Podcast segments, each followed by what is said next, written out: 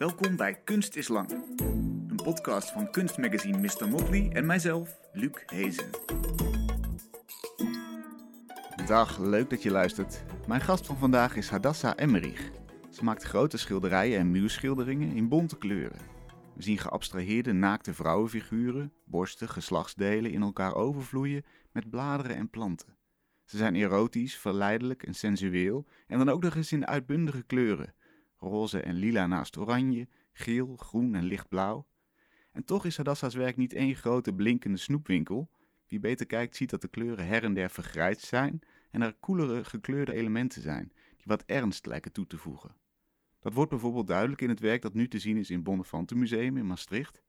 Een enorme muurschildering lokt je dichterbij, met daarin de geabstraheerde afbeelding van vingers met rood glanzende nagels, planten, borsten en tepels in hoofdzakelijk bonte kleuren. Daarachter is een ruimte waarin schilderijen hangen, bijvoorbeeld van een plak van een kiwi, met eromheen golvende gekleurde lijnen die een strelende vinger kunnen zijn, of een tong, een banaan in warme huidtinten of een langwerpig uitgerekte borst. Ook in die ruimte een schilderij dat vooral is opgetrokken uit grijs, aubergine paars en geel, direct een totaal andere stemming. En voor het eerst een reeks collages. De werken van Hadassa ontstaan doordat ze vormen snijdt uit een linoleumvloer, die vormen beschildert en ze vervolgens tegen een doek of muur drukt. Zo ontstaat er een beeld dat weliswaar een schilderij echoot, maar tegelijkertijd iets afstandelijks en mechanisch in zich draagt. Deze linoleumvormen hebben voor het eerst een tweede leven gekregen als collage. Welkom Hadassa, leuk dat je er bent. Dankjewel, heel erg tof. We kennen jouw recente werk, zoals ik net omschreef, als zeer sensueel met borsten, vagina's, abstracties van naakte vrouwenlichamen. Maar ik was laatst in een gebouw in de Universiteit Maastricht daar is een veel ouder werk te zien Ah op ja, een aantal ja. muren. Klopt. Plantenmotieven, veel donkerder, nog geen lichaam te bekennen eigenlijk. Ik maak hele grote sprongen nu, maar wanneer is dat vrouwelijke lichaam erin gekomen? Toch, als je goed had gekeken naar dat werk uit 2006, meen ik, Ja. zit daar toch, eh, zitten daar toch referenties in naar borstvormen. Die hebben al heel lang spelen die een rol in mijn werk, maar tekenachtiger. Dus er zat eigenlijk een meer kalligrafische eh, aanpak in, dat Mhm. werk, dus veel tekenachtiger. En als je goed kijkt, zit- zitten daar dus ook wel al borstvormen en Ah, andere ja. referenties in. Dan heb ik die over het Ja. gezien. Ja, inderdaad. Ja. En, en waarom die focus op dat lichaam? Hoe kan het dat het inderdaad sinds 2006 al met je meereist, dat motief? Ja, eigenlijk ben ik al heel lang bezig natuurlijk met het, met het onderzoek naar het- wat het exotisme zou kunnen zijn. Eh, Deels vanuit mijn eigen achtergrond als eh, Indische Nederlander.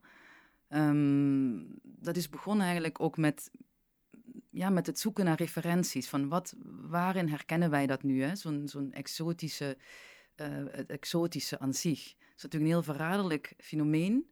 Hè, natuurlijk ook vrij negatief eh, belicht is. Ehm, Wat betekent het voor jou? Hoe omschrijf je het? voor mij is het ook een projectiescherm geweest. Dus wat het eigenlijk is, het is niet iets wat echt bestaat. Het is puur in iemands hoofd een projectie op iemand, op iets, op een kleur, op een vrucht, op een vrouw. Dus het is een soort fantasie. En natuurlijk ehm, speelde dat voor mij ook mee, omdat ik natuurlijk zelf nieuwsgierig was naar mijn achtergrond, daar ook in ben gaan zoeken en daar ook deels op heb geprojecteerd. Dus mijn eigen soort van exotische verhaal geschreven, als het ware. Dus daar kwam een heel beeldend onderzoek bij, ook, ook later, toen ik, dat begon al voordat ik kunstenaar ben geworden. Ehm, door bijvoorbeeld dat ik heb gedanst in een Hawaii-dansgroep, een amateurdansgroep, vanaf mijn vijftiende, Mhm. ook optrad op Passamallums. Eh dat, daar begon het eigenlijk. Hè? Dus dat beeld van de exotische danseres eh, in, een, eh, in een bepaald kostuum Want je groeide op in? in Limburg. Ja. Ja. En dan ben je misschien niet met heel veel Indische Nederlanders, stel ik me zo voor. Dus je zoekt, Ja, en dat is die exotische blik naar wat je identiteit is. En die identiteit is niet op dat moment zichtbaar op die plek. Dus daar projecteer je van alles op. Absoluut. Ik Vat ik denk, zeker, ik denk zeker dat dat voor mij het geval was. En natuurlijk een nieuwsgierigheid. Eh, misschien het, het zoeken van wat, wat is er dan nog meer. Of hè, anderen kijken natuurlijk op een bepaalde manier naar je. Maar eigenlijk heb je geen antwoord waarom op dat moment. Je bent nog heel jong. Zeker in die tijd was de wereld, zag die er heel anders uit. En nu is dat gewoon aan de orde van de dag. Hè, dat iedereen van, van ergens komt en iedereen is wel gemengd. En, hè, maar destijds, zeker in Limburg, was dat nog helemaal niet zo aan de orde. Hmm. En was het voor mij toch wel een urgentie om, hè, persoonlijk ken ook wel mensen die daar niet mee bezig waren, maar voor mij was dat wel een noodzaak om, om te graven. Wat voor beeld had je voordat je bijvoorbeeld die Hawaïaanse dans ging doen? Wat had je voor beeld van, van ja, eh, hoe wilde je dat gaan onderzoeken? Wat die an, wat andere aspect van je identiteit dan was? Ik had daar geen echt beeld bij. Het was meer inderdaad via dus die soort passamalms die dan af en toe naar een, een, een, stadje kwamen in de buurt, waar ik dan met mijn vader of moeder naartoe ging. En daar zag je natuurlijk, het focuste zich natuurlijk wel heel erg op, op Indonesië op dat moment. Omdat dat natuurlijk de eerste link was van waar ik iets kon, kon vinden. Ja, en, en Passamalm, is dat een soort rondreizende ja, hoe, hoe noem je het Een soort markt eigenlijk. Hè? dus het is inderdaad letterlijk avondmarkt, ja. nachtmarkt. Dus waar je inderdaad uh, overdekt in dit geval. Waar je dus allerlei uh, optredens kunt zien of producten kunt kopen of voedsel kunt eten uit, uit, uh, ja, uit die streek. En je zei net, voordat je aan dit verhaal begon, daar zat ook een exotisme van mezelf in. Een, een blik op mijn eigen identiteit. Ja, waar, waar schuilde dat exotisme dan in? Ja, dus bijvoorbeeld doordat ik dat heel erg interessant vond en er oprecht van kon genieten om die danseresrol te vervullen. Dus dat ik echt wel in die, in die huid kroop, in die rol ging van die exotische danseres op dat moment. En me daar mm. ook helemaal mee vereenzelvigde. Ja. En je zegt het is een rol. Het kan natuurlijk ook zijn dat, je, dat het echt iets dat het resoneert bij jou. Dat je denkt, hé, hey, dit is echt onderdeel van mijn identiteit. Maar het was een rol. Ja, maar dat is iets wat ik me pas later ben gaan realiseren toen ik mijn masterstudies in Londen ging, ging doen. Omdat ik daar pas eigenlijk tot de ontdekking kwam en natuurlijk veel meer in een conceptueel uh, perspectief ging zien. Wat ik eigenlijk aan het doen was en zeker wat ik toen deed tien jaar daarvoor, zeg maar, of nog langer. dus dat ik in zekere zin een soort van reenactment deed van een, een, een exotische danseres. En natuurlijk ging ik daar op een heel andere manier over nadenken, wat dat eigenlijk betekende dat wij kostuums namaakten, een soort van bastaardversie van iets wat, waarvan wij überhaupt zelf niet wisten wat het origineel was geweest.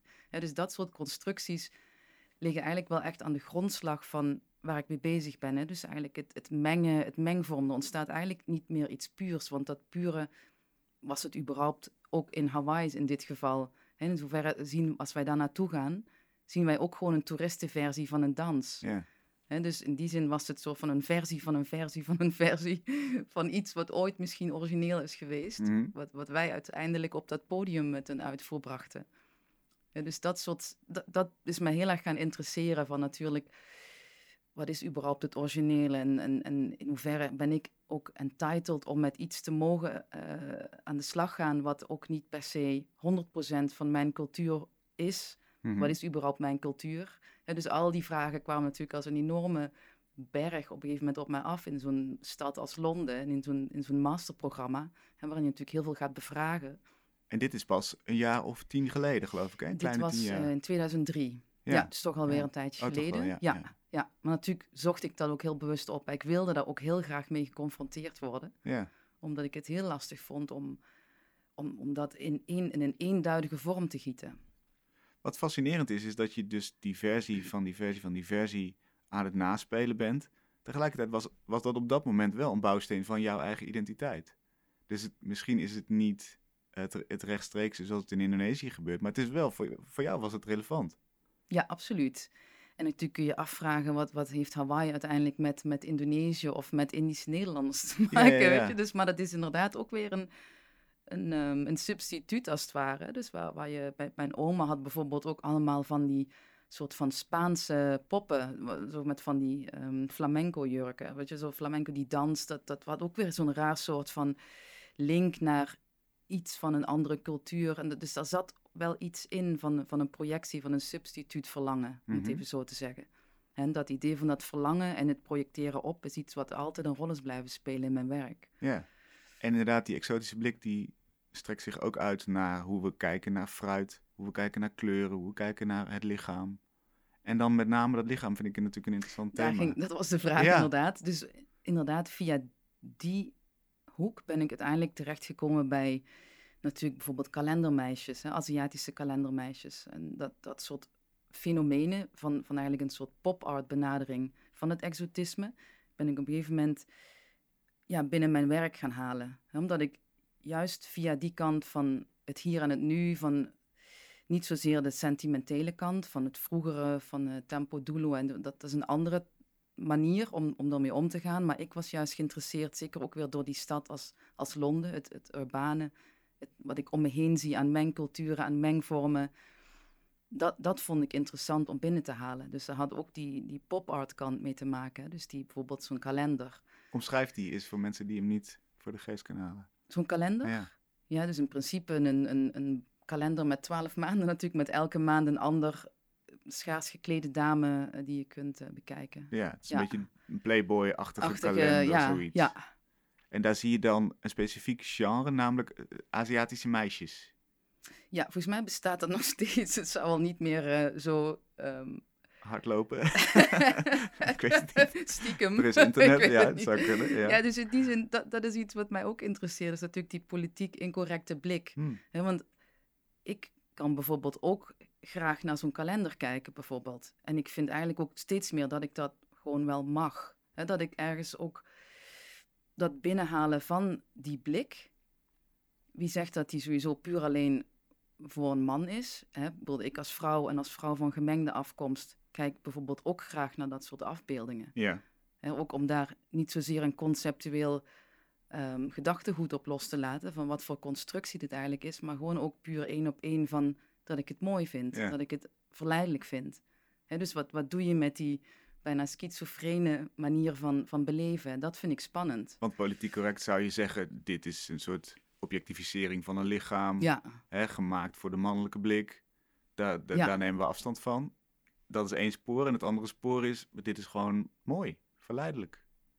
ja maar ook voor mij als vrouw. Juist, ja. Dus dat is een heel andere blik, of, of toch niet? Weet je, dat zijn eigenlijk wel vragen die steeds terugkomen in mijn werk. Mhm. En natuurlijk door dat op te blazen, door het soort van larger than life op zo'n muur te zetten, komt er weer een nieuw perspectief. Ontstaat er weer een soort van uitvergroting. Ja, En een confrontatie met, met dat soort vragen. ja. En als je zegt dat dat tweede spoor, dat bestaat gewoon of toch niet, dan zou je ook weer kunnen redeneren, die mannelijke blik is er zo ingestampt in de maatschappij dat, dat zelfs jij daardoor kijkt, of niet meer beseft dat je erdoor kijkt. Ja, dat, dat zegt men inderdaad, hè? Dat, dat vrouwen die vandaag de dag dan alweer geïnternaliseerd zouden hebben, die blik. Maar Ja. ik weet niet of dat zo is. Dat, dat zou ik niet durven zeggen, want ik, ik vind niet per se dat ik daardoor gehinderd word. Nee. door op die manier daarnaar te kijken. Ik heb zoiets van alles moet gewoon op basis van gelijkwaardigheid gebeuren. Daar gaat het om, hè? die economische gelijkwaardigheid. Als iemand een service aanbiedt en die wordt daar op een goede wijze voor, voor betaald, dan vind ik dat eigenlijk heel oké Juist, ja. In die zin. Hè? Als je ook nadenkt over sekswerk of wat dan ook. Ja. Dus, maar het moet vooral, natuurlijk is die, die, die business gewoon heel erg eh, geperverteerd doordat er natuurlijk figuren rondlopen die daar eh, op, een, op een hele vervelende manier eh, handel mee drijven. Dat is gewoon het probleem. Niet zozeer het principe aan zich. Juist. En hoe, de- hoe gaan die gemengde gevoelens dan op in zo'n muurschildering of in hoe jij die afbeelding gebruikt? Ik denk ten eerste door, door de, de handeling van zo'n muurschildering, die natuurlijk heel monumentaal is. Hè, die neemt ook een, een stuk architectuur in, al dan niet tijdelijk of voor een voor langere periode, als die hè, permanent zou zijn. En dus dat vind ik dan een statement op zich om, om dat te doen. Hè, dat het niet alleen een, een, een traditie volgt van de rechthoek op de muur, maar sowieso dat overstijgt. Dus het sowieso de grenzen opzoekt van wat schilderkunst kan zijn. Daardoor gebeurt er al iets anders. En natuurlijk doordat de bezoeker zich daarin kan begeven. Je moet het werk als het ware aannemen, ondergaan. Ja, En dat, dat, dat dwingt eigenlijk al om er op een andere manier mee om te gaan. Je, je, belandt eerst als, als bezoeker of kijker in een jungle van kleur en suggestieve vormen. Er wordt een, een optisch spel met je gespeeld. Mhm. En op het tweede gezicht merk je van, ah, maar hier zitten eigenlijk wel borsten in. En wat, wat zie ik eigenlijk? In, in welke wereld begeef ik me hier eigenlijk? Is dit een soort van pleidooi of een lokroep voor? Hè, Een soort van eh, libertinage of een soort van vrije liefde? Of wat, wat, waar begeef ik me eigenlijk in? Mhm. Dus dat, dat zijn dingen die ik heel spannend vind, om die ook als vrouw voor het voetlicht te brengen. ja. En daar, eh, ja. En het is inderdaad zeker niet een situatie waarin het allemaal voor je wordt uitgespeld, waarin het duidelijk is, dit is voor jouw plezier gemaakt. Je, je moet er wel een beetje mee worstelen. Dat is interessant, want de kleuren zijn heel aanlokkelijk. Ehm, maar ja, tegelijkertijd is er een soort van vervreemding. Er is iets, iets waardoor je moeite moet doen om het beeld beter te begrijpen. Dat is een hele mooie balans die erin zit. het komt inderdaad door het stileringsproces en natuurlijk ook door de specifieke kleuren die je al omschreef. Dat er eigenlijk een, een geraffineerd spel wordt gespeeld tussen cool, warm, eh, iets herkennen, iets wat zich weer van je verwijdert omdat het een, abstractie wordt. Ja. Dus dat is inderdaad het optische spel dat er gespeeld wordt. En daar streef je naar, naar, naar die op dat kruispunt van, van wat duidelijk is en wat niet duidelijk is, aanlokkelijk of afstotelijk. Ja, zeker wel. Omdat ik denk op het moment dat. Het, het is ook wel zo dat ik vind dat, dat, dat kunstwerken zich niet ehm, gedwongen moeten voelen om iets specifieks te representeren. Er moet een bepaald soort aanvoelend denken aanwezig blijven. Dus dat je als kijker ook het werk tegemoet kunt komen, het werk komt jou tegemoet. En dan moet niet iets dwingends in de zin zijn van dat, dat ik wil opleggen hoe je dat beeld moet lezen. Of dat ik een kritiek uit op ehm, bepaalde soort economieën die zich afspelen. Ik ben Mhm. juist geïnteresseerd om die aan te raken, om die mee binnen te halen, om die te onderzoeken, die ook weer terug in iemands gezicht uit te spelen. Dus ik, ik vind dat een heel, heel, ja, het is ook best wel een spel waarbij ik eventueel zelf ook soms te ver kan gaan of voel van, oh, nu moet ik, nu moet ik iets meer zelf terugtrekken en nu moet het explicieter worden. Hè, dus dat blijft een soort sport. Ja, Maar dat is, ook, zegt- dat is ook de kunst. ja zeker. ja, Ja, En ja. als je zegt, eh, op een bepaald moment ga, ga ik te ver, of soms moet ik mezelf even weer terugtrekken. Wat, heb je daar een voorbeeld van? In welke, welke situatie denk je, nee, nu moet ik, ben ik te ver doorgeschoten ergens in? Ik denk als het te veel een, een, een verhaal wordt of een narratief. Als het eigenlijk de, de monumentaliteit gaat missen van, van het totaalbeeld. Hè, van een soort knal die ik ook wil uitdelen, gewoon puur qua visuele impact. Hè, is dat eigenlijk... die, die balans moet in, in, in, in het oog gehouden worden. Ja, Dus als het te expliciet zou worden, of te veel naar pornografie zou gaan neigen bijvoorbeeld, dan vind ik dat, dan gaat het te veel in één, in één wereld zitten. Ik vind juist die, die fusion, die natuurlijk ook heel belangrijk is in mijn werk. Ah, je denkt dat het street art is, ah, maar nee, het is eigenlijk, lijkt het op een, op een Fernand of zo. Je, opeens zit je in de soort van high art, low art. Je wordt eigenlijk heel veel kanten opgesmeten, hè, door, maar heel, heel subtiel. Dus dat is juist wel een, een, een, altijd een, een belangrijk iets geweest in mijn werk. Om, om ook naar de kunstgeschiedenis te kijken. Van wie was hier eigenlijk al mee bezig? Natuurlijk de, de, de, de kapsels van Fernand Léger, van zijn vrouwen, heb ik ook al geïntegreerd in een werk bijvoorbeeld. Op subtiele wijze, maar terwijl dan die highlights in hun haar HSTL-buizen worden of zo. Dus dat is een soort, ja, ook weer die, die pop-art knop die ik dan kan opdraaien. En, om iets binnen te halen en weer hè, naar buiten te presenteren.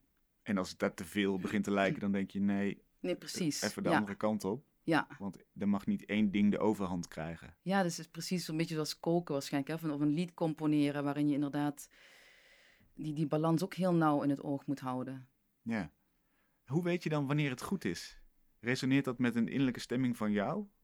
Je zegt net, het, Soms gaat heeft dat gewoon, mij. ja, soms heeft dat gewoon tijd nodig. Mhm. Dat het gewoon even moet zitten. Of soms zie je in werk ook terug dat je inderdaad denkt, goh, dat, dat had achteraf, hè, zeker als ik nu naar ouder werk kijk, van, van inderdaad bijvoorbeeld die, die omgang in de universiteit. Dat is Mhm. bijvoorbeeld zo'n werk dat zichzelf alweer eens heeft ingehaald voor mij persoonlijk. En dat heb ik gemaakt jaren daarna dat ik dacht, wow, eigenlijk wel heel heftig wat ik daar heb gedaan. ja.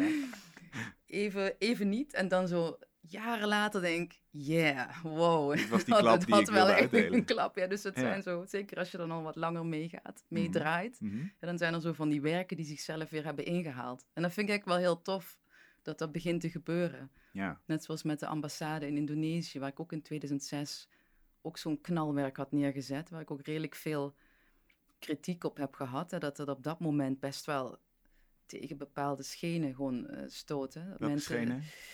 ja, ook wel de mensen die daar dagelijks in moeten werken. Wat Mhm. ik ook wel snap natuurlijk. In die zin van, ja, dan zit je dat gewoon elke dag in. En ik, ik ben weer onderweg alweer, eh, ben op dat moment alweer ergens anders bezig. Ja. Dus in die zin sta ik daar natuurlijk wel voor open. Van, van hoe iets bij mensen, zeker dat soort opdrachten. Dat is natuurlijk iets anders dan een kunstwerk in een museum of, of in een galerie. En wat was daar te zien wat, wat ze schokkerend vonden? Waren dat ook weer borsten, geslachtsdelen? Nee, het had niet zozeer met, met wat er te zien was te maken. Maar het is natuurlijk een, een, die muurschildering waar ik nu over heb, is een werk van, van iets van 20 meter hoog. Een centrale hal, waar je dus echt, zodra je dat gebouw binnenkomt, zie je het gewoon. Hè? Dus het zit niet ergens in een hoekje of een omgang of wat dan ook. Mhm. Dus de, de kleuren waren ten eerste heel erg fel. Op dat moment was ik heel erg, ik was net terug uit Londen. Ik was heel erg in dat idee van ehm, ja, appropriation en zo recht uit de pot, uit de tube ook durven te gebruiken. Eh, dus dat, dat was eigenlijk op zijn piek eigenlijk. Hè? Dat, dat moment van heel erg direct en, en in your face willen werken met hele directe referenties ook.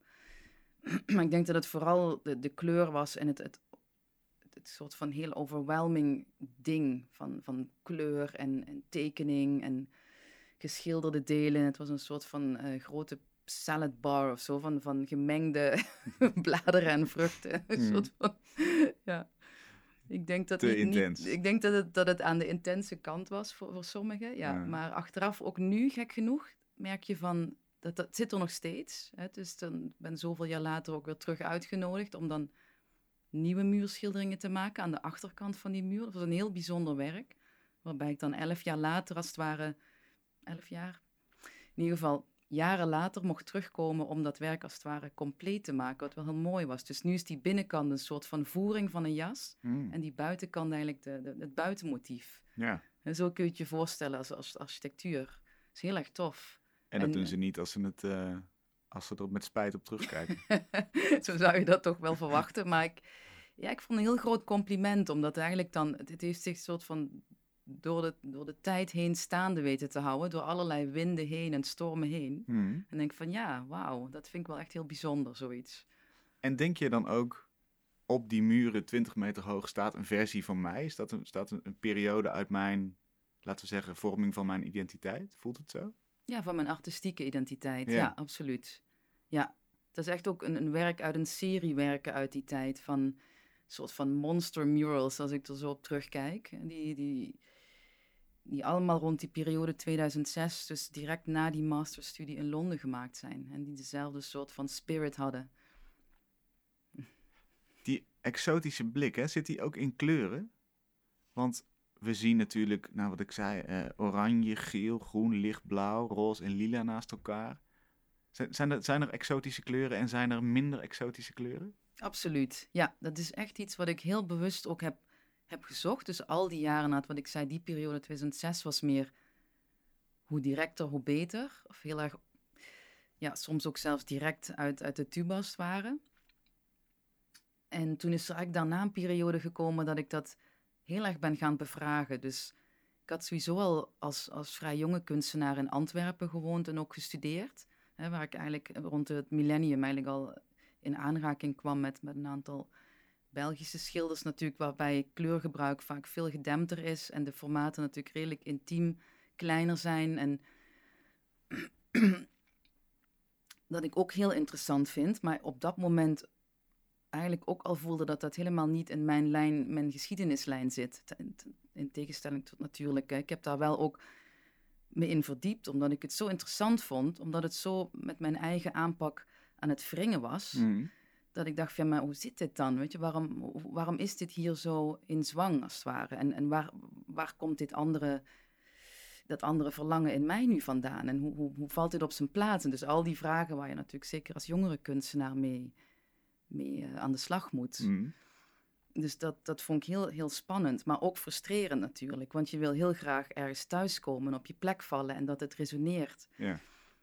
En ik denk dat het gek genoeg nu, zoveel jaren later, merk ik dat misschien omdat de wereld veranderd is, veel internationaler geworden, ook natuurlijk door het internet. Je ziet veel meer wat er elders op dat moment ook kan, Ja. wat toen niet het geval was. Dus je wereld wa- was, was veel kleiner.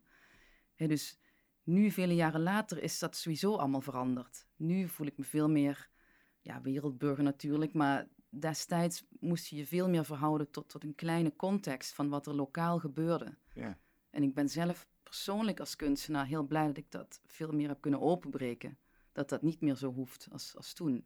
Ik vond het nogal, hè, achteraf, ik had daar geen, geen ik kon daar geen, geen ehm, gevoel op plakken. Of, maar ik, ik ervoer wel dat het, dat het ergens niet, niet matcht of zo. Mhm.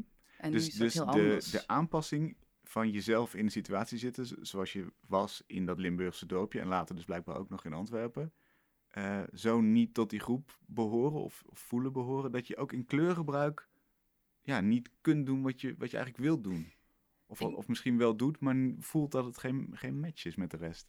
Nou, ik ben daar wel dus er gaan onderzoeken pas later eigenlijk ook weer door, door me dat bewuster af te gaan vragen. Niet zozeer van, oké, iedereen vindt dit hier mooi, weet je, van, dat is, dat, dat, zo, daar blijft het natuurlijk niet bij. hè. Dus ik, ik dacht zelf van, hè, dat, dat zit ergens in die bodem, hè. iets zit er in die grond, in, in het verleden, in de geschiedenis, dat dit veroorzaakt. Hmm. En natuurlijk in, in, in mij zit ook iets in de geschiedenis, in mijn lijn van, van wat er overgeërfd is en wat ik daarna bewust ben gaan uitspelen. Ook met, met name weer door die studie in zo'n wereldstad als Londen, waarin ik natuurlijk zoveel meer perspectief kreeg en zoveel meer kreeg aangereikt op het gebied van, van, van de thematiek die ik interessant vond.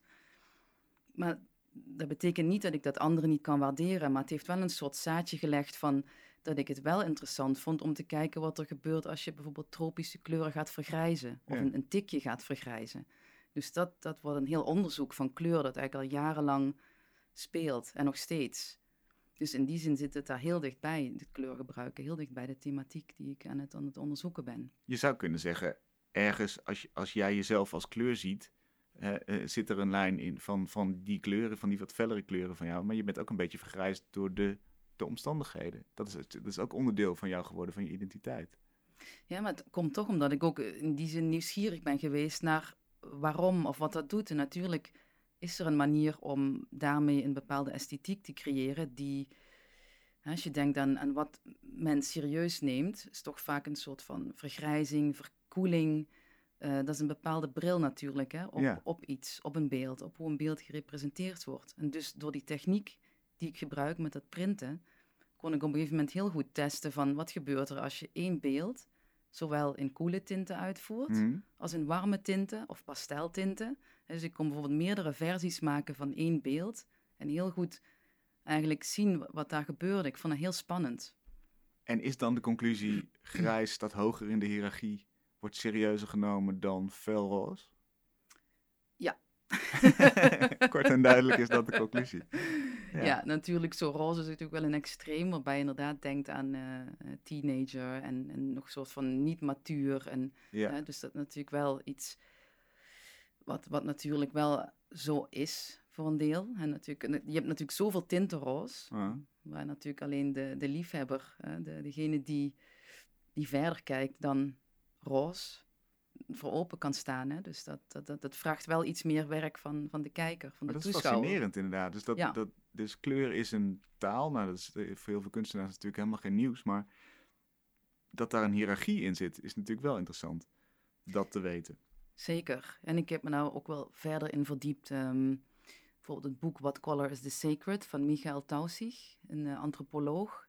Die daar echt uh, ja, heel diep op ingaat. Hè, van van het primitivisme tot zelfs Tweede Wereldoorlog, noem maar op, tot de, um, de, Japanse zakenkranten die in een soort van champagne-tint gedrukt zijn. Dus om dat soort van gevoel van, van luxe te geven, maar ook zo'n mm. vergrijsd champagne. Dus die gaat heel ver in op, op al die manifestaties van de visuele cultuur om ons heen. Mm. Super fascinerend natuurlijk, wat, dat, wat dat met je doet.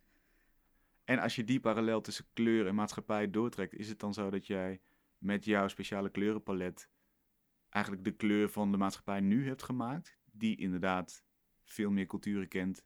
Die uh, gaat over, uh, ja, op zijn minst bicultureel zijn.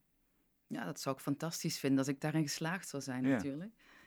Um, ja, nog een ander gek iets uit dat boek was bijvoorbeeld natuurlijk het idee van klassen. Hè, of een hogere klas, wat natuurlijk in, in Nederland of ook in België iets minder zwaar lijkt te voelen in het dagelijks leven dan bijvoorbeeld in Engeland.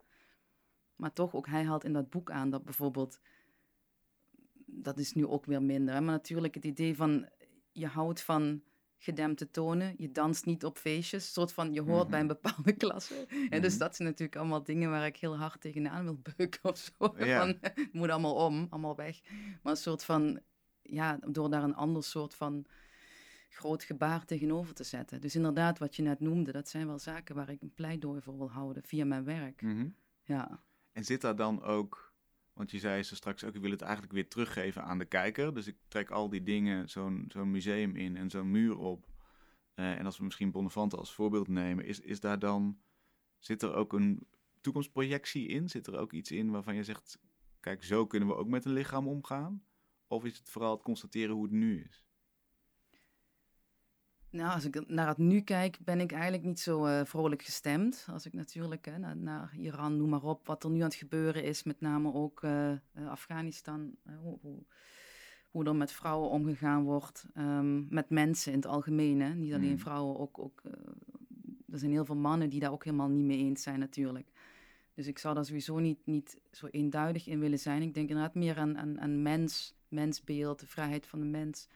En natuurlijk hou ik in mijn werk wel een, een pleidooi. Ik zou niet willen zeggen, het is zoals het nu is. Het is meer een utopisch ideaal, denk ik, wat in mijn werk nog steeds speelt, waar ik Mhm. wel mijn hart voor wil blijven maken. En dat is dus dat het niet zo bepaald is. Dus, dus, dus dat het niet, eh, dat er geen enkele blik op zo'n, bijvoorbeeld een vrouwenlichaam is. Dat het vele facetten kan hebben. Ja, absoluut. In, in mijn ideale wereld zou er bijvoorbeeld eh, stripbarren zijn waar iedereen ten alle tijden binnen kan lopen, waar mensen zich uit kunnen leven op het podium, al dan niet voor betaald krijgen naar, belang, naar behoren. Mannen, vrouwen, trans mensen, iedereen die daar zin in heeft om zich exhibitionistisch te uiten, die bekeken wil worden, anderen die willen kijken. En dus je hebt een soort van andere economie die in mijn ogen, ja, waar, waar plaats is om, om expressie te, te geven, te nemen, te krijgen. Dus dat, dat is heel belangrijk. Ik denk, mensen zijn sowieso veel te veel onderdrukt bezig. Hè, dus in hun fysieke manifestatie. Dat is ook wel iets wat je ook dagelijks in de krant leest. Hè, ziektes of te weinig beweging, noem maar op. Dus dat, Mhm. dat speelt gewoon heel veel. Dat het lichaam moet gehoord worden, moet zich kunnen uiten. Dus dat zijn wel... Sowieso, mijn werk is heel fysiek natuurlijk. Dus die muurschilderingen vragen ook wel heel veel fysiek van mijzelf. Ja. Dus misschien is dat iets persoonlijks, maar naar mijn idee zou het voor heel veel mensen goed zijn om hè, meer te dansen, meer zich vrij te kunnen voelen, zich te kunnen uiten. En is eh, dat, ja. komt dat fysieke, denk je, ook op de kijker terug? Want nou ja, je moet zo'n muur temmen. Die is vaak meters hoog, meters breed.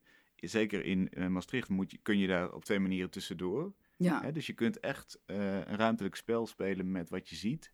Dat moet je eigenlijk ook wel, want, want er is veel te ontdekken. Hoop je dat die, dat fysieke aspect ook eh, op de kijker eh, overgebracht wordt? zeker, ja, dat hoop ik heel erg.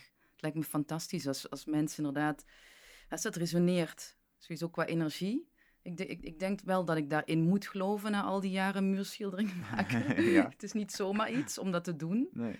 Ehm, ik heb heel lang zelf met mijn eigen energie soort van, van, als vanzelfsprekend aangenomen. Terwijl je natuurlijk op een gegeven moment weet van dat dat gewoon niet zo is. Dat kan niet. Je kunt niet zomaar ongestraft jarenlang achter elkaar maar alles geven zonder te denken dat dat ooit, ooit eh, een soort punt bereikt. Dat Mm. dat niet kan. Weet je? Mhm. Dus in die zin weet ik ook wel dat dat gewoon hele... Het, het- de energie die je lichaam heeft om zoiets te doen, vraagt een bepaald soort ehm, nou, hoe zal ik het zeggen? Zo'n muurschildering bij het Bonnefante moet er in zeven dagen opstaan, bijvoorbeeld. Dus het moet gewoon on- in die spanningsboog en in die energie in dat moment gebeuren. En het moet met een tof team en met mensen, het moet humor hebben ondertussen. Weet je, het moet wel. Hè, dat, dat vergeet iemand die daarvoor staat, die, die ziet dat natuurlijk allemaal niet. hè. Mm. Die weet niet hoe zoiets eigenlijk tot stand komt. Dus ik ben zelf sowieso geïnteresseerd om eigenlijk veel meer niet dat proces deel te laten zijn van het werk, maar misschien wel in een parallel traject inkijk te kunnen geven in wat het eigenlijk is om zoiets te maken. Lijkt me voor, voor, tenminste mij lijkt dat ook wel heel interessant om te zien. Ja. Voor anderen, of als ik daar zelf denk aan bijvoorbeeld zou ik ook wel willen zien hoe Diego Rivera zijn muurschilderingen maakte, of hè, hoe je tot iets komt, wat er eigenlijk bij komt kijken, qua energie, qua output, qua stemming, qua keuzes maken, qua stress, een soort van in het heetst van de strijd, hoe zo'n plek er eigenlijk uitziet als je daar middenin zit. ja. Op welke vlakken wordt het het meest onderschat, denk jij? Wat weten de meeste mensen niet van zo'n muurschildering? Wanneer komt het er echt op aan? Ja, ik denk echt als je de laatste uren bekijkt voor zo'n, voordat het er echt op moet. Ja. Wat gebeurt er dan? Schets het eens voor ons. Het is echt, het is maar af en toe dat ik echt op tijd klaar ben. Of dat ik echt de, de... Het is niet dat het niet op tijd... Het is altijd op tijd klaar. Het is ook op een gegeven moment bij muren van... Zeker nu met deze nieuwe techniek hoe ik werk, met de schablonen, weet ik ook van tevoren van het wordt dit. Hè, dat is, er is ruimte voor improvisatie binnen hoe ik de verf aanbreng op de schablonen. Maar Mhm. qua motieven en plaatsing is eigenlijk alles bepaald. Dus er moet wel een bepaald soort van... Hè, ik werk nu veel meer met een plan dan vroeger. Dus in die zin heb ik mezelf ook wel geholpen om in dat proces aanwezig te zijn van hoe ik verwacht dat ik aanwezig zal zijn. Dat het er gewoon staat. Maar vervolgens natuurlijk ben je afhankelijk van andere mensen, werkuren. Dus als het aan mij lag, zou ik dan op zo'n, in zo'n week wel dag en nacht door willen gaan. Maar dat kun je natuurlijk niet van anderen vragen. Dus ik zal rekening moeten houden met, hè, met, met, eh, met die mensen en met wat gewoon wettelijk mag. Ja, ja. Ehm, dus de, de uren voordat het dan eigenlijk zijn, zijn punt bereikt dat het klaar moet zijn, dan is het één grote plakkende discovloer inderdaad. En dan, uh, dan is het iedereen helemaal eronder, onder de verf. En dat is gewoon wel heel, heel mooi, maar heel ja, waanzinnig moment. Ja, en ehm, een beetje angstig ook wel, denk ik. Want als je al een verf op je handen hebt en je moet, je moet nog dat laatste ding, de laatste flap tegen de muur drukken met verf, dan wil je niet dat daar nog een hand, uh, geschilderde hand uh, tussendoor tegen de muur komt. Ja, dat is eigenlijk nog niet gebeurd. Ah. Tenminste, ik, ik vind het altijd wel heel bijzonder. Ik werk meestal wel met, met nieuwe mensen ook, of, of lokale mensen als ik ergens kom.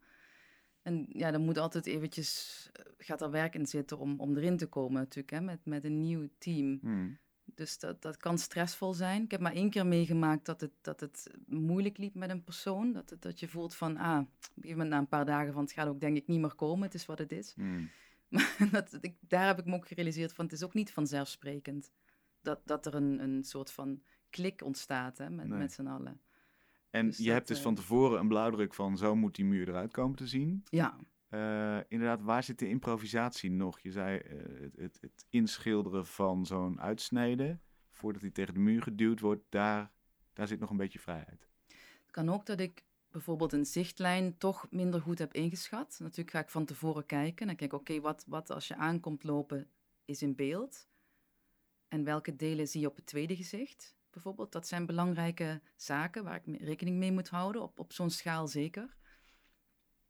Dus een bepaald motief, hè, bijvoorbeeld stel er is een, een abstracter motief juist van een afstand, denk ik, hmm, had toch beter iets kunnen zijn wat direct een, een soort van haak, een, een hoek biedt voor de kijker. Oh dus dan, dan moet ik soms wel iets omgooien, bijvoorbeeld. Dat ik denk, ah, misschien kan ik dit element toch beter daar zetten.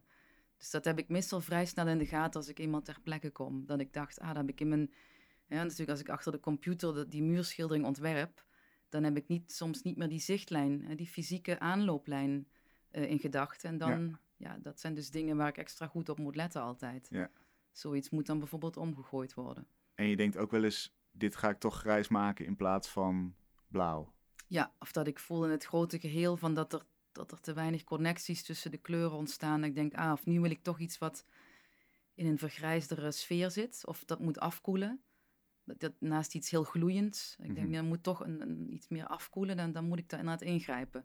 Dus dat zijn inderdaad wel, wel hele spannende eh, momenten op locatie, ja. Ja, Ja. en, en iets gloeiends is dan bijvoorbeeld een, een soort, soort eh, rozige banaan of zoiets, een banaanachtige vorm. Precies. Je denkt, die moet in toom gehouden worden. ja, zo, zoiets. Zo Ja. gaat dat, ja. Hoe ben je op die werkwijze gekomen eigenlijk? Van het, het uitsnijden van vinyl en dan het tegen de, tegen de muur plakken. Het zijn gewoon schablonen eigenlijk, hè? Wat, wat je misschien ook wel, eh, ja, Ja. wat mensen wel kennen. Maar op zo'n schaal en, en met dat materiaal. Ja, het is in principe een hoogdruktechniek, Ja. zoals lino of houtdruk. Die ik inderdaad eigenlijk heb, heb ge- ja, getransformeerd of gesublimeerd tot een schildertechniek. En uiteindelijk kun je ook denken aan de monotype, monotype. Dus waarbij je ook een, een eenmalige schildering maakt op een plaat die dan afgedrukt wordt. Dus het is eigenlijk daarmee te vergelijken. Eerder misschien met een monotype dan met iets anders. En dat is eigenlijk een hele mooie mengvorm tussen schilderen en, en druk, drukkunst in. En eigenlijk ook daar zit ook weer die fusion in. Van het is niet dit, maar ook niet dat volledig. Weet je? Het is eigenlijk samen een nieuw ding. Dus het zit in die lijn, al dan niet onbewust, ben ik daar terecht gekomen. Maar het is toch weer een, een, bevestiging van, van die mengidentiteit. Zelfs Mhm. in, in, in zijn technische aspecten. En het is eigenlijk iets wat ook door de jaren gegroeid is, omdat ik het, het, grafische altijd wel heel interessant heb gevonden. De grafische kunsten. Niet zozeer om een editie te kunnen maken, maar wel de technieken in een, in een plaat krassen of laten uitbijten in zuur. Of hè, dat soort facetten vond ik altijd heel spannend aan, aan eh, drukkunst. Ehm, dus dat, dat ben ik op een gegeven moment al vrij jong gaan integreren. Bijvoorbeeld eh, in mijn werk op papier had ik dan een stuk, een, een portret bijvoorbeeld in lino-snede. En daar ging ik dan weer overheen werken of in schilderen of in tekenen. Dus dat werd een, hè, zoals ik een beetje beschreef ik vroeger werkte. Dat je eigenlijk meer zoals een, een, een, ehm, geïllumineerd manuscript werkt. Hè, waarin bijvoorbeeld heel platte delen zitten naast hele suggestieve ruimtelijke, naast eh, teksten. Dus dat je eigenlijk een, een blad krijgt met heel veel informatie. Zo werkte ik eigenlijk vroeger, maar dus, waarin dus dat drukken ook een, een plekje had. Maar dat is dus eigenlijk steeds meer uitgegroeid tot een autonome techniek als, als schilderkunst. En als je zegt inderdaad, daar zit die- mengvorm ook weer in. eh, voelt het dan als een soort van voel je die connectie met je eigen identiteit daar ook in? Ja, absoluut. Een andere mooie eh, anekdote is misschien wel dat ik uh, toen ik kind was, werkte eigenlijk mijn hele jongere leven, werkte mijn moeder bij het Limburgs Dagblad, bij de krant, de lokale krant. En ik mocht als kind vaak mee, ook als ze avonddiensten had bijvoorbeeld, dan um, mocht ik daar gewoon zitten aan de balie. Ze zat aan de receptie, ze was telefoniste, receptioniste. En ik heb dus eigenlijk op die manier heel veel facetten leren kennen, heel jong, van wat het betekent om, om een krant te maken. Van dus pakketjes die binnenkwamen voor de redactie die ik dan wel eens naar boven mocht brengen. Ik vond dat ontzettend spannend, want daar zaten dus allemaal mensen te typen en heel geconcentreerd te werken. En dan mocht ik af en toe iets gaan brengen. En vervolgens heb ik dus ook vakantie- en bijbaantjes gehad. Als, uh, in, toen werden er nog platen gemaakt. En nu gaat dat natuurlijk allemaal digitaal, maar destijds was het nog heel erg analoog. Dat je dus een heel proces van, van de krant zetten. Dus hè, met, met plakbandjes en stukken tekst. En, hmm. hè, dus ik had dan vakantiebaantjes ook daar, waar de pagina's werden opgemaakt. En later dan ook bij de, waar de platen werden gemaakt. Dus eigenlijk dat hele proces, totdat het eigenlijk naar de drukkerij ging, heb ik redelijk bewust van, van kinds af aan meegemaakt. En ik denk achteraf wel eens dat dat gewoon een enorme impact heeft gehad. Op, op hoe ik uiteindelijk bij die, die druktechniek nu terechtkom. Ik doe ook hetzelfde. Een stukje inhoud breng ik naar mijn eigen redactie, als het ware. Er komt iets binnen, vervolgens ga ik dat omzetten in, in een compositie, zoals mhm. het, het, uitzetten van een pagina. En vervolgens maak ik daar inderdaad zo'n drukschabloon van. En vervolgens wordt het echt gedrukt. Dus eigenlijk zit het bijna letterlijk zit dat hele proces in mijn werk. Ja. Dus dat is heel bizar. Zeker. En met dat verschil denk ik dat een krant voor de lezer heel duidelijk is en ook gemaakt is om super duidelijk te zijn. En jouw werk natuurlijk uh, ja, niet de, de, de bedoeling heeft om iets letterlijk te maken of om iets helderder te maken. Eerder om iets voor te schotelen waar je even op moet kouwen. Ja, nee, het is ook niet dat het zeg maar in die zin een, een nieuwsitem of een, dag, een, iets wat van de orde van de dag is, of dat het dat op dat moment, maar het gaat mij meer om het hele proces, hè, van hoe je, tot, hoe je inhoud tot vorm krijgt. Ja, zeker. Ja. Ja, waarin natuurlijk bijna het digitale en het analoge, daarin vind ik mezelf ook echt een kind van mijn tijd, en natuurlijk opgegroeid nog analoog, vervolgens en natuurlijk de digitale wereld binnengekomen. Dus die zitten beide ook echt heel, hele belangrijke facetten in het werk. De, de, beide werelden. Ja. En het handmatig inderdaad, dat, dat voel je ook heel erg in, jou, in jouw werk. Dat het gedrukt is, dat het niet digitaal is, dat, dat, dat voel je heel erg. En tegelijkertijd heeft het iets van de beeldtaal van het digitale. Ja, precies. Gaat het, welke kant gaat het op, denk je? Denk je dat je ooit dat fysieke los gaat laten en inderdaad in, in het digitale gaat, verder gaat? Of? Nee, zeker niet. Ik heb eigenlijk toen Photoshop opkwam, echt, toen heb ik daar al redelijk veel mee geëxperimenteerd. Omdat ik heb eigenlijk altijd de schilderkunst bevraagd, sowieso binnen mijn werk. Dus op een gegeven moment toen, toen dat mogelijk werd, heb ik ook dat redelijk ver doorgedreven. Echt puur prints binnen de computer gemaakt en laten afdrukken. En dan op dat moment was dat Forex waar je dat op kon plakken. Dan had je van die grote plaketten met, met hele gladde uh, huid. Maar daar ben ik op een gegeven moment heel snel vanaf gestapt naar een Italië-reis, waarin ik dus allemaal prachtige muurschilderingen ben gaan bezoeken. En dat ik dacht van nee, weet je, dit, is gewoon niet wat ik, wat ik wil. Want ik vind toch ergens die soort van hè, diep respect soort van voor de, voor de bakermat van de beschaving. In die zin van die muurschilderingen zitten daar na zoveel jaren nog. En die zijn nog steeds, spreken die tot de verbeelding. Hmm. dus dat heeft voor mij op een gegeven moment, dat zal ook in de tijd zijn geweest. Ja, misschien nog voordat ik naar Londen ben gegaan. Dus echt wel begin 2000. Dat ik daar op een gegeven moment ook echt die confrontatie zo duidelijk vond en zo hard dat ik daar heel snel ehm, van weg ben gegaan. Ja. Dus dat zal niet, niet nog eens nu op die manier. Hè. Ik ga natuurlijk wel voor opdrachten bijvoorbeeld gebruik die technieken. Maar je gaat daarin altijd zien dat er handgemaakte elementen aan de oorsprong hebben gelegen, gezeten, gestaan. Ja. ja. En als je een beetje in de toekomst kijkt, welke kant denk je dat je werk zich op gaat bewegen? Waar ben je benieuwd naar? Waar, waar, heb je, waar ben je hongerig naar? Sowieso de, de schilderkunst. Hè? Wat ik zei, de muurschilderingen zullen, hè, die heb ik heel bewust opnieuw binnengebracht in mijn werk. Omdat ik dus, zoals ik vroeger werkte, wilde ik alles zelf doen. En nu heb ik eindelijk door die schabloontechniek ook een manier gevonden hoe ik met assistenten kan werken. Dus eigenlijk heb ik al een soort van, hoe zal ik het zeggen, heruitvindingsmoment gehad ja. van mijn eigen praktijk, een aantal jaar geleden. Dus in die zin zit ik nu gewoon echt op volle toeren vooruit. Heb ik eigenlijk nu iets in handen waarvan ik denk, hè, nu valt alles op zijn plek. Ja, ja. Hè, dus ik zit nu meer daar in plaats van, eh, als je me deze vraag acht jaar geleden had gesteld, had ik een ander antwoord gegeven. Maar ik voel nu juist van, wauw, eindelijk beginnen al die stukjes informatie, al die, al die, die bevraagmomenten, hè, daar heb ik eindelijk nu een soort van toegang toe als een, als een toolbox. En dat voelt gewoon heel fijn. Dus ik, ik hoop dat het zich nu nog verder gaat ja, perfectioneren, sublimeren, noem maar op. Dus eh, voor mij mag het nu gewoon internationaal gaan. Kijk, als we dan toch nog een, een verlangen mogen uitspreken. Ja, precies. Groter en, en, en verder Ja. de wereld in. Absoluut. Ik ben het er helemaal mee eens. Voor mensen die niet zo ver willen reizen, zeg ik- zeg ik nog even Bonnefante Museum in Maastricht. Beating Around the Bush nummer 7, vals plat. Jouw eh muurschilderingen, schilderijen en ook collages dus van de linoleumdelen die je hebt uitgesneden. Voor ja, daar hebben we het nu nog niet over gehad. Ja, eh, maar die hangen daar mij is het, eh, het drie kwartier voorbij. Nee. ja, te- ja, zo is het. ja. Ja, maar die zijn zeker de moeite waard. ja, tot 8 Dankjewel. januari nog. Tot en 8 ook, ehm, ook binnenkort bij eh, Ron Manders in Amsterdam in januari. Leuk dat je er was. Ja. En eh, nou ja, binnenkort de hele wereld over, zou ik zeggen. Dankjewel. Dank je. Tot zover Kunst is Lang van deze week. Wij worden mogelijk gemaakt door het Prins Bernhard Cultuurfonds, het BNG Cultuurfonds en het KF Heinefonds. Waarvoor natuurlijk heel veel dank. We zijn er volgende week weer. Tot dan.